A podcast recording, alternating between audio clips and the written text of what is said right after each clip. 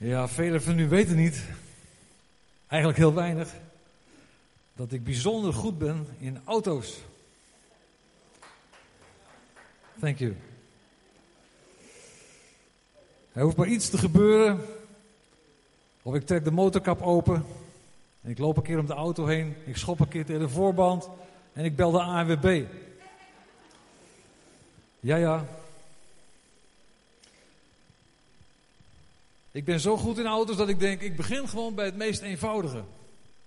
Dat is toch een goede zaak, hè? Je gaat niet gelijk denken van, wat zou er allemaal aan mankeren? Dus, ik had al een paar dagen geen airco in de auto en de hete dagen komen eraan. Ik dacht, nu kun je denken, de hele airco is kapot. Um, of uh, de, hoe heet dat ding? De magnetische pulley-trekker uh, apparaat daar mankeert wat aan. Die dan uh, aanschiet uh, als je op de knopje drukt. Dan komt er zo'n uh, stroompje en dan komt er een magneet. En die slaat dan ook op het draaiende gedeelte. En zo gaat de airco. U hoort het wel. Ik heb goed opgelet van de week.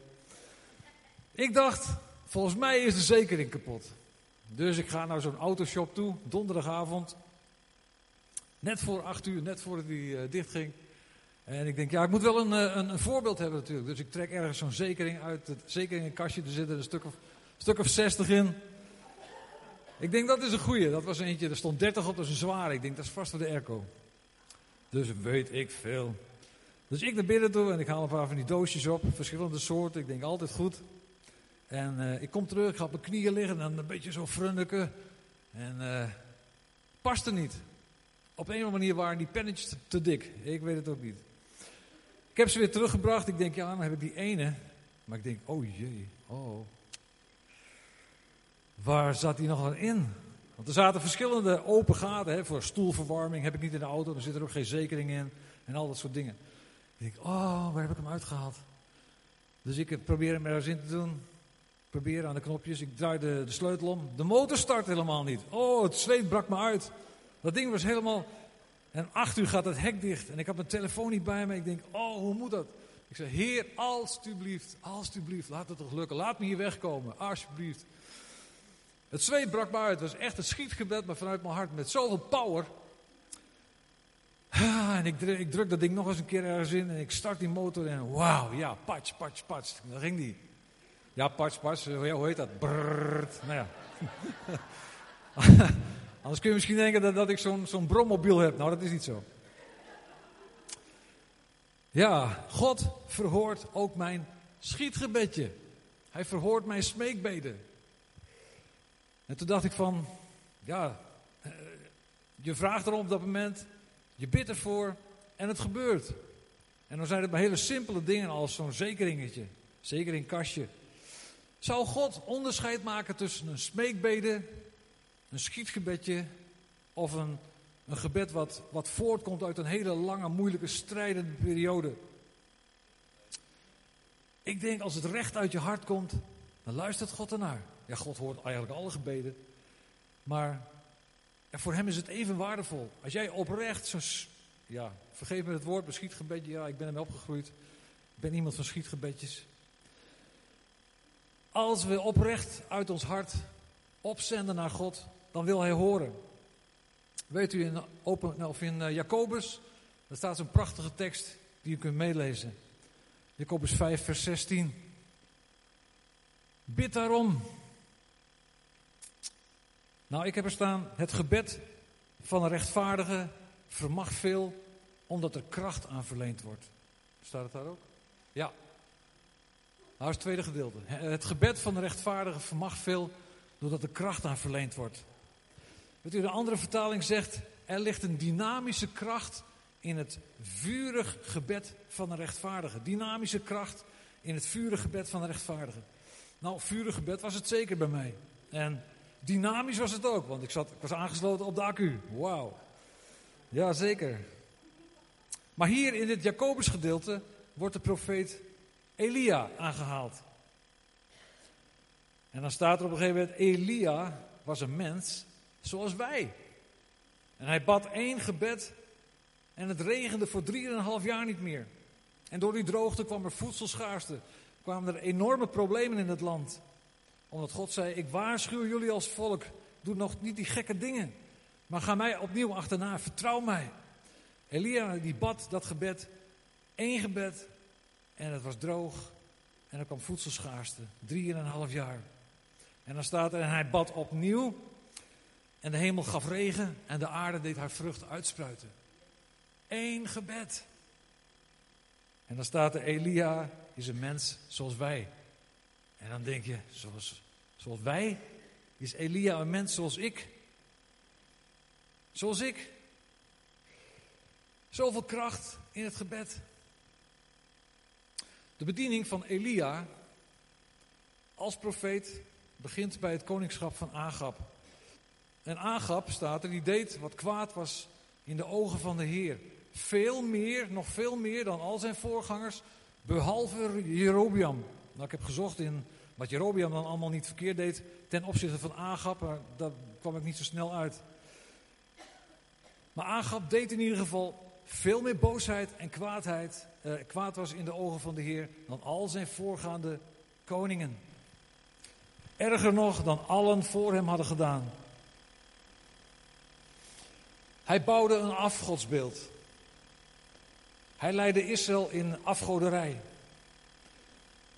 En de grootste fout die hij maakte, dat is als hij trouwt met de dochter van koning Ed Baal. En Ed Baal betekent Baal is met mij. Hij neemt de dochter van koning Ed Baal tot vrouw. En die dochter is Isabel. En Isabel die spoort hem aan om ook voor Baal een tempel te maken. Nou, dan is het echt gebeurd. Dan zegt God, nu is het genoeg geweest. Nou gaat de strijd beginnen. De dochter is Isabel. Die is helemaal opgegroeid in die Baal-cultus. En die, die hele levensstijl die neemt zij mee. In het paleis van koning Agab. En van daaruit zo door heel Israël. Deze Isabel die leidt koning Agab dieper en dieper in het vereren uh, van die afgod. En zij leidt het volk steeds verder weg van de enige waarachtige. Zij zorgt ervoor dat vele van de profeten van God gedood worden of opgejaagd worden, zodat het woord van God niet meer gehoord wordt in het land. En de mensen daardoor misschien overtuigd raken. Maar Baal was een, een, een de Baaldienst was, was een, een, een heftige dienst en ik heb er hier nou wat over opgezocht en dat heeft heel veel te maken met vruchtbaarheidsrieten. Er werden seksuele uitspattingen, hoorden erbij. Er, er, gebeurde van alles bij die tempels. Er was prostitutie, uh, er was één, nou ja, één grote seksuele uh, uh, ja, religie was het eigenlijk. Dus je kan je voorstellen dat er vast niet zo heel erg veel met moeite priesters voor te vinden waren. Die daar hun tijd willen besteden. En dat ging maar door en dat ging maar door. En Elia die krijgt dan van God de opdracht om daar een eind aan te maken. Om het volk te gaan waarschuwen. Ze krijgt van God de opdracht om het volk terug te brengen en God te erkennen als de Allerhoogste Heer. Allereerst roept hij op de berg Karmel de Israëlieten op om te luisteren naar zijn waarschuwing. Misschien de tweede dia. Hoe lang, zegt hij, dat is zo'n bijzondere tekst. Hoe lang zult gij aan beide zijden mank gaan? Indien de Heere God is, volg hem na. Maar indien het Baal is, volg hem na. En dan staat er ook, toen Elia tot het volk gesproken had, bleef het stil. Dat vind ik ook zo tekenend. Ze durfden geen keuze te maken. Misschien hadden ze wel een soort twee godendienst. We, we, we doen een beetje van Yahweh en we doen veel van Baal. Hem kunnen we zien. We hebben een tempel, we hebben een afgodsbeeld. Yahweh kunnen we niet zien. Hoe lang eet je van twee walletjes? Dien je God of dien je Baal? En dan herstelt Elia het altaar van de Heer. Dat omvergehaald was door de knechten van uh, Izebel. Dat vind ik zo'n mooi beeld. Op het moment dat, uh, dat Elia het altaar herstelt, kan er weer geofferd worden. De stier kwam erop te liggen en uiteindelijk God verhoorde met, met vuur. Weet u, in onze tijd is het ook zo. In ons leven is het zo. Eerst wordt het altaar hersteld. En Hebreeën 13 zegt, Jezus Christus is ons altaar. Hij is ons altaar. Als wij ons leven toewijden aan Hem, dan wordt eigenlijk het altaar hersteld. En dan kan ik een lofoffer brengen en dan kan God zijn kracht tonen. Zoals God zijn kracht toonde toen het andere altaar bij Elia hersteld werd. En als God zijn kracht kan tonen, dan verschijnt Hij met kracht en dan zijn alle dingen mogelijk in jou en mijn leven. Als wij ook onze relatie met Jezus Christus altijd ja, in stand houden, boven alles houden en dat altaar niet laten verbrokkelen. Dat altaar ja, schoon houden, mooi houden, kostbaar houden, lofoffers brengen voor Hem. Wat een mooi beeld. En dan gaat Elia de strijd aan op de berg Karmel. Nou, je hebt bijna allemaal op de zonderschool gezeten en al die, al die verhalen, die kennen we eigenlijk wel. Het gaat er natuurlijk enorm uh, met, ja, met, met, met geweld gaat het eraan toe. Eerst komen de priesters van Baal, die komen in actie. Twee altaren. Een altaar voor Baal en een altaar voor Yahweh. En dan wordt de strijd gestreden. En Elia die staat erbij en zegt, doe maar, beginnen jullie maar. Vraag maar of die God van jullie wil antwoorden met vuur. En dan dansen ze en ze raken op een gegeven moment in trance. Ze gaan zichzelf insnijden zoals ze gewend waren te doen, staat er. Met speren staken ze zich, met zwaarden kerfden ze dingen in. Het bloed dat droop overal vanaf. Maar gebeurde niks. En Elia begint, te, die begint zo op te, op te spelen. Die zegt van, misschien is hij wel naar het toilet. Kom op, schreeuw. En ze beginnen nog meer in vervoering te raken. Tot aan het, de tijd van het avondoffer in Israël. En er gebeurde niets. En je kent het verhaal. Elia maakt het alleen maar moeilijker. Hij giet overal water overheen. Greppels eromheen. En hij zegt, Heer God, wilt u antwoorden met kracht? Wilt u laten zien wie u bent? En dan, dan komt er een enorme vuur, vuurstraal uit de hemel. En het verbrandt het offer. Het water wat overal uh, opgegoten was. En ineens zag het volk weer, Jawel is God, Jawel is God, Jawel is onze God. En Baal wordt volkomen belachelijk gemaakt. En op goddelijke wijze wordt duidelijk gemaakt wie de waarachtige God is. Een geweldige overwinning voor de naam van de Heer. En dan denk je van ja, Elia was gewend om, om met kracht te bidden. En er was altijd antwoord op zijn gebed. Voor hem was het misschien wel, tussen haakjes, een koud kunstje. Hij wist van, als ik bid, God hoort me en hij verhoort. Maar als je dan op een gegeven moment leest over uh, de regentijd, net nadat de Baalpriesters zijn afgeslacht en Baal uh, in de ban is gedaan en het volk weer weet, Jawel is God, dan blijft hij op de top van de karmel achter samen met zijn, uh, met zijn dienstknecht. En dan gaat hij bidden dat er weer regen zal komen. Regen is een teken van zegen. Als het volk zich weer bekeerd heeft, wil God opnieuw weer zegenen. En dan komt er regen. Nieuwe regen. Maar dan staat er, God, uh, Elia die bidt om regen, maar hij moet zeven keer zijn knecht erop uitsturen naar de top van de karmel. Zie je al wat?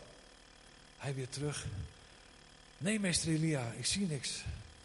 En Elia, blijft bidden. Het is een gebedsstrijd. Het was voor hem ook niet. Ik doe het wel eventjes. Zo was het absoluut niet. Zo komt het misschien een beetje soms voor in de, in de Bijbel als je het zo leest. Maar voor hem was het ook een gebedsstrijd. Elia die bidt en die bidt. En hij stuurt voor de zevende keer zijn knecht naar boven, naar de top van de karmel. En hij zegt, zie je al wat? Ja, mijn heer, ik zie een, een wolkje als een manszand opstijgen uit de zee. Nou moeten we snel zijn, zegt Elia, want nou komt de regen met bakken uit de hemel. Het idee kreeg ik van de week ook eventjes. U ook? Wauw. Zoiets moet het geweest zijn, maar dan zes keer zo erg. Oh, oh, oh, oh, oh. Ik stond ergens te schuilen. Ik was eh, bij de pater Karel Kapel bezig. De man leeft niet meer, zei ik laatst tegen iemand die daar was. De man leeft niet meer. Ik zeg maar, die hij diende, die leeft nog steeds, Jezus Christus. Maar ik geloof helemaal nergens in, zei hij. ja, ja. Maar ik stond onder een afdakje te schuilen. En er was ook een mevrouw die kwam uit de kapelweg. En die schoot direct in dat fietsenhok bij mij. Oh, schilder. En mijn bus die stond een eindje verderop, misschien een meter of vijf. Ze zei, hebt u geen paraplu in de bus? En het goot van de regen. Ja, ik denk, ja, wat wil je daarmee zeggen dan? En uh, ja, ik zei, ik heb wel een paraplu in de bus, maar... Uh, mm En zei op een gegeven moment, telefoon bellen. Ja, sorry, ik kan mijn afspraak niet nakomen. Ik sta hier ergens onder een afdakje en de, het duurt misschien al een uur. Ik moet het afzeggen. Ik denk, nou, wat, misschien wel een belangrijke afspraak. Het was al een chique dame. Hele grote nieuwe, zo'n Lexus en zo, op stroom en weet ik wat. Chique dame. Dus, uh, en op een gegeven moment werd het ietsjes minder. Dus ik zei, wacht maar even. En ik ren door wat er nog uit die hemel kwam naar mijn uh, werkbus toe. En ik scheur die paraplu eruit, doe hem omhoog. En ik zeg tegen die vrouw, alsjeblieft. Nou, die was helemaal in de wolken. Dus zij, uh, zij pakt die paraplu over. Ik zeg, als u zo meteen langs rijdt, graag wel even die paraplu weer door het raampje richting de schilderen. Ja, ja, zeker. En ze was blij en ze was blij. En uh, nou, ze kon op tijd op de afspraak zijn. En de volgende dag toen kwam ze weer naar de kapel toe. Ze zei, mijn, ik had een oranje paraplu. Mijn oranje engel staat hier weer te schilderen. wow, ja, leuk. En toen zei ik later tegen mijn werkgever van... Dit uh, noemen ze geloof ik in het Engels uh, paying forward. Als die mevrouw een keer haar huis geschilderd moet hebben, zegt ze... Ik heb een oranje engel, die kan mijn huis wit schilderen. Ja. Het gebed was voor Elia niet eventjes zomaar iets wat hij deed. Hij moest echt krachtig bidden voordat die enorme waterstromen kwamen over het land van Israël. Een bijzondere profeet. Een geweldige man van God. En dan staat er Elia, een mens zoals wij, zoals ik. Wij herkennen ons misschien niet zo snel in die grote, rotsvaste, geloofskrachtige Elia. Misschien herkennen we ons eerder in de andere kant die we daarna zien van Elia. Want die enorme verandering die voltrekt zich daarna vrij snel. De bedreiging van Izebel die op hem afkwam. Denk erom, want morgen om deze tijd heb ik je te pakken. En dan ga je eraan, zegt ze. Elia vlucht. Toch zou hij moeten weten dat het alleen een bedreiging zou zijn van Izebel. Want na al die dingen die hij had meegemaakt. Het aanroepen van God. Hij antwoordde met vuur. De anderen werden afgeslacht en er gebeurde niks. Zou hij moeten weten dat hij veilig was onder de, onder de paraplu van Yahweh. De strijd was immers al gestreden tussen God, tussen de God van Israël en Baal. Die strijd was gestreden. Wat bezielde Elia om zo weg te kruipen en depressief te zijn na al die overwinningen? Onder een bremstruik te gaan liggen wachten op de dood. Die grote Elia. Geweldige hoogtepunt had hij gekend. Hij had ze gezien. De anderen hadden gezien. Het volk, maar ook Agab en Izebel, die hadden de kracht van Jaweh gezien. En de kracht van Elia's gebed. Eén gebed en er was droogte. En de kracht die God verleende aan zijn gebed op de karmel was overdonderend. Het toppunt. En dan zien we Elia in zak en as. Elia bemerkt dat koning Agab onder de indruk was van al die wonderen die hij zag. Maar hij bekeerde zich niet van zijn boze weg. En de invloed van Izebel, die bleef onveranderd. Misschien voelde hij zich daardoor tekortgeschoten. Ik heb gedaan wat ik kon, oh God. Maar ze, ze willen niet, ze veranderen niet. Wat kon ik er nog meer aan doen? Gefrustreerd ligt hij onder de bremstruik. Of de jeneverbes, zoals het ergens anders staat. Een gefrustreerde profeet.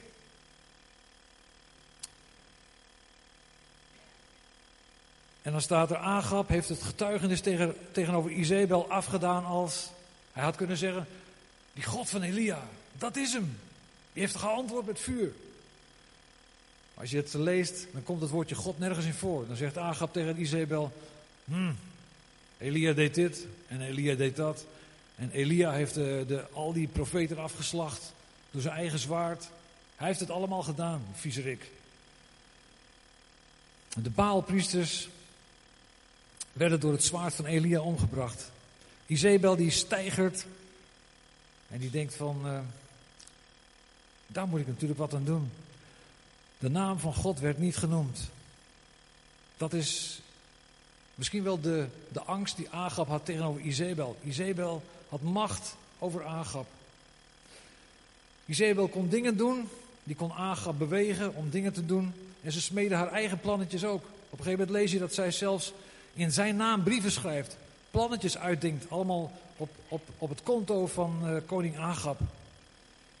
En Elia die, die bemerkt, staat er in 1 Koningin 19, hij bemerkt dat Agab en Izebel hun oude rituelen voortzetten. In de Statenvertaling zegt, uh, Elia die zag dat hij zij, hun, hun oude rituelen voortzette. Izebel roerde zich nog. Ze manipuleerde Agab nog steeds. Ze verleidde hem en het volk opnieuw. Ze smeden plannetjes uit naam van Agab en haar invloed was nog steeds aanwezig. Let op, Openbaringen 2, vers 20. In Openbaringen 2, vers 20 schrijft de Heer Jezus een brief aan de gemeente in Thyatira. 900 jaar na Izebel en Agab. Ik heb tegen u dat gij de vrouw Izebel laat begaan en zegt dat zij een profetes is, maar het niet is. Zij leert en verleidt mijn knechten om te hoereren en afgodenoffers te eten. 900 jaar na die tijd vinden ze, vindt de Heer Jezus die geest van Izebel terug in de gemeente van Thyatira. Een geest van verdeeldheid, een geest van hoerderij, een geest van afgodenoffers uh, eten, een geest van alles, bijna alles doen wat God verboden heeft. Terwijl we in een christelijke gemeente, Jezus schrijft daarnaar, een van de brieven in Openbaringen. Ik heb tegen u dat, dat u deze vrouw laat begaan. Dat u de geest van Izebel niet hebt aangepakt, maar haar, ja, die geest laat gaan. Ik wil het nu graag in onze tijd overzetten. Wat hebben wij als volk van God, ook in onze tijd, krachten, wonderen van God gezien, tekenen, vuur in ons midden, bevrijding, genezingen. We hebben het net gehoord. Het is verteld uh, van de, de oudjes die kwamen bij het helpcenter en daar gezegend werden uh, ja, door het gebed. En dat meisje dat mag een stuk herstel gaan ervaren. Zo is het nog steeds. Ook in onze gemeente, hoogtepunten. En dan ontstaat er ook in onze gemeente een situatie waar we niet goed raad mee weten. En waar we nog in zitten. En dan denk ik aan de gemeente van Thyatira. En dan denk ik nog veel langer terug aan de tijd van Agab. Aan de tijd van de Izebel. De geest van Izebel is een geest van verdeeldheid zaaien. De geest van Izebel is een geest van verwarring brengen. De geest van Izebel brengt scheuring. Er begint een geest van Izebel te roeren en die springt in op situaties in de gemeente. Deze, het is een demonische geest. Izebel is het natuurlijk zelf niet, maar het is een geest die daarachter zit. Een demonische geest die verwarring zaait in een poging verdeeldheid in de gemeente te brengen. Deze geest zet mensen aan tot heersen, controleren, manipuleren. Dat is wat Izebel deed bij Agab. En dat is wat, wat er gebeurt als de geest van Izebel ergens een vinger achter krijgt. En in plaats van het samen zoeken naar God en ons te verootmoedigen, lopen we rond met twijfel. En we zijn in verwarring en we zijn verdeeld. Is een kamp die zegt, ik geloof dat het zo is. En een ander zegt, ik denk dat het zo is. En er zijn een heleboel mensen die zeggen, ik weet het niet allemaal. Maar we lopen rond met boosheid in ons hart. We kijken naar een ander en we veroordelen. En we willen het allemaal niet, want we zijn de gemeente van Jezus Christus. Zijn het de woorden van mensen om ons heen? Er zit meer achter. We zijn toch een, een christelijke gemeente. We zijn een Pinkstergemeente die, die eigenlijk beter zou moeten weten. En die weet dat er een geestelijke strijd bestaat. Een geestelijke strijd. Misschien gaan we daar wel gewoon helemaal aan voorbij. Wie heeft het tegenwoordig nog over demonen? Ja, wat is dat voor onzin? Demonen, kom hé. Op televisie mag je zoiets al helemaal niet meer. En bij K3, er was een mot. Een mot lieten ze zien, die was ongeveer 5 bij 5 meter hoog. De kinderen schrokken zich wild. Een mot met een masker. Ja, het stond in zulke kranten. Maar hebben wij het over demonen? Ja. Bestaat dat dan nog? Demonen, zijn die er nog? Wat zeg jij? Helaas wel. Ik geloof ook, zeker in een geestelijke wereld. Ik geloof dat er engelen zijn die ons helpen. Ik geloof dat er demonen zijn die proberen om, om jou een pootje te laten lappen. En nog veel erger. Hij kan misschien een bepaalde druk op je leven leggen. En als je je er echt voor openstelt en echt verkeerde dingen doet, kan hij misschien ook wel van binnenuit dingen in jou doen en door je heen.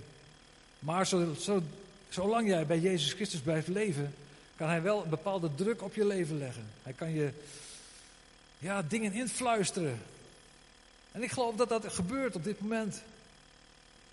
We zijn moe gestreden. Moe gestreden. Er zijn heel veel mensen op dit moment hier in ons midden moe gestreden. Geïntimideerd. Gebroken. En aan het eind van onze kracht zoeken we naar rust. Naar een plek om ons neer te leggen onder de bremstruik.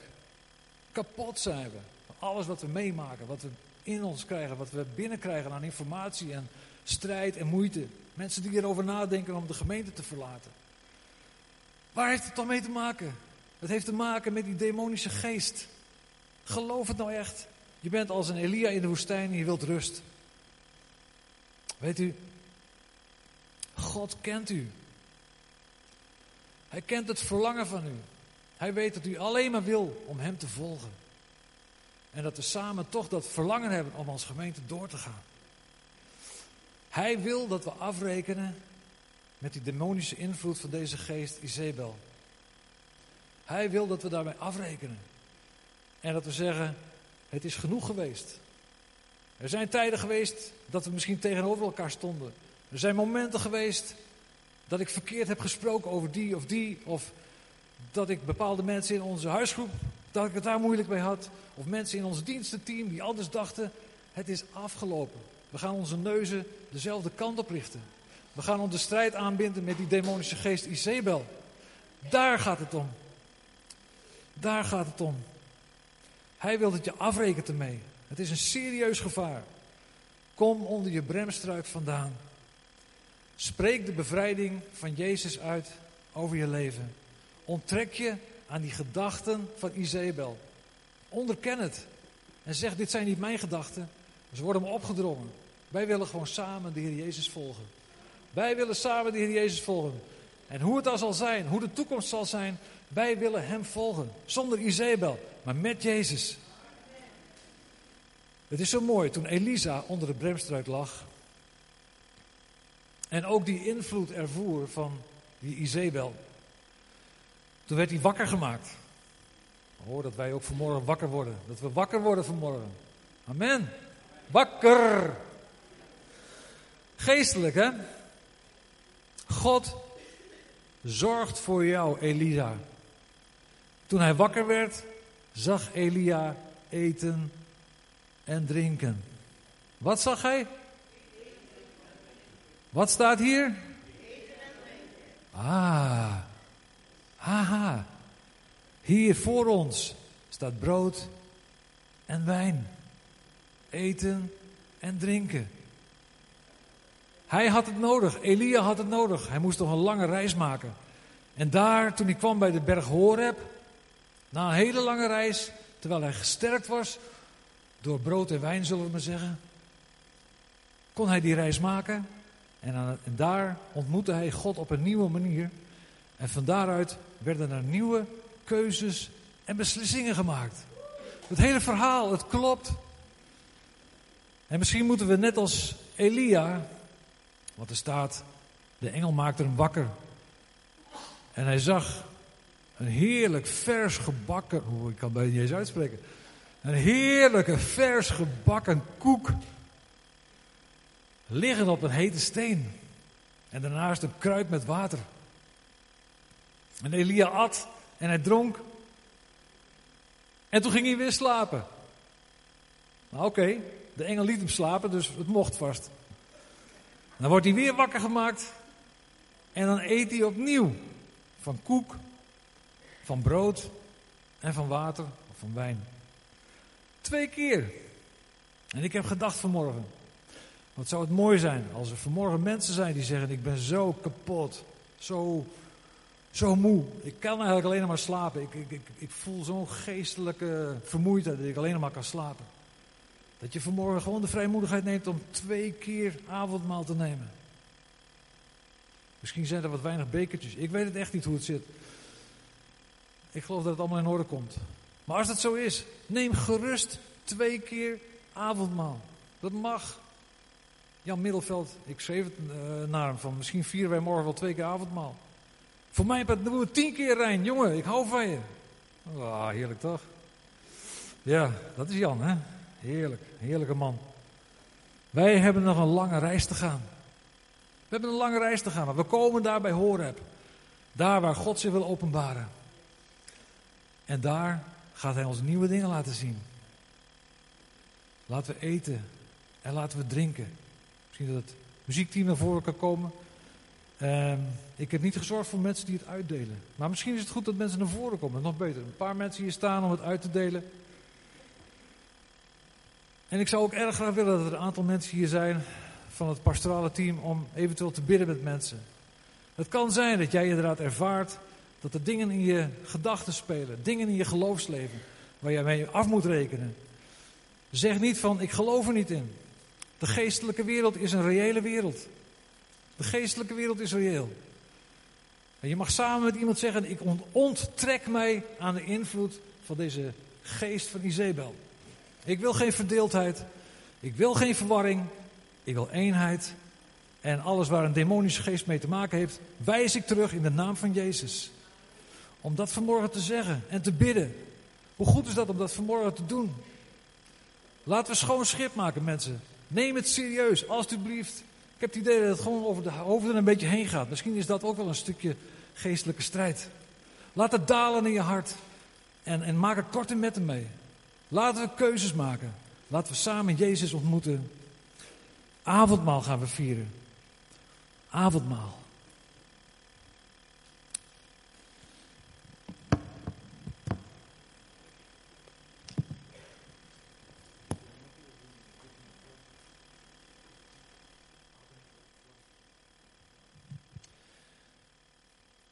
Terwijl het uh, muziekteam nog een keer het, uh, het lied gaat spelen van uh, Heer, ik geef u mijn hart. Ik geef u mijn ziel. Misschien dat, dat gedeelte, dat we dat een aantal keren zingen. Dan gaan wij ons voorbereiden op de paasmaaltijd. En dan staat er dat de Heer Jezus aanlag met zijn discipelen. En terwijl ze aten, nam Jezus een brood. En hij sprak de zegen uit. Hij brak het en hij gaf het aan zijn discipelen. En hij zei: Neem, eet, dit is mijn lichaam. En hij nam een beker. Hij sprak de dankzegging uit. En hij gaf hen die en zei: Drink alle daaruit, want dit is het bloed van mijn verbond. Dat voor velen vergoten wordt tot vergeving van zonden. Maar ik zeg u, ik zal van nu aan niet meer van de vrucht van de wijnstok drinken. Tot op die dag dat ik haar met u nieuw zal drinken in het koninkrijk van mijn vader. Dat is ons voorland, daar gaan we straks heen. In de tussentijd, als we hier nog op aarde zijn en het met elkaar moeten klaarmaken, moeten rooien, samen op weg zijn, dan vieren we avondmaal. En dan denken we aan het lichaam wat voor ons gegeven is, wat kapot gemaakt is. Maar ook het bloed waarin het leven is. Wat hij gaf voor jou en mij. Maar het bloed is ook vrijmaking. Het bloed heeft ook iedere demonische macht overwonnen. Het offer van Jezus is sterker dan alles wat maar probeert. Jezus is de Heer. Hij is de koning der koningen. Vader, er zo zegen deze, deze maaltijd. Het brood, de wijn en ook het samen uw woord zegt ook ergens dat wij zijn samen één brood, één lichaam. Daarom vieren we het ook, Heer. Daarom vieren we het ook. U bent het hoofd, wij zijn het lichaam. U willen we volgen. Als u zegt ga, dan gaan we. Als u zegt rechtsaf, dan gaan we rechtsaf. Dat willen we, Heer. We willen graag dat u voorop gaat. Daarom zegen op deze maaltijd. Het brood en de wijn. We danken u ervoor. We danken voor de kracht die erin is, Heer, in de naam van Jezus. Heer, en, en ja, laat het tot, tot zegen zijn voor ieder van ons, Heer. Zo, kom naar voren toe, misschien van achteruit. Kom naar voren, neem het. En ook de vrijmoedigheid, als je denkt van, het spreekt me aan om twee keer te doen. Blijf hier gerust even staan. Blijf hier gerust staan. Neem nog een keer avondmaal. Laat je herstellen en helen. Dat is wat God wil. Het is niet een protocol wat we doen. God wil helen en herstellen.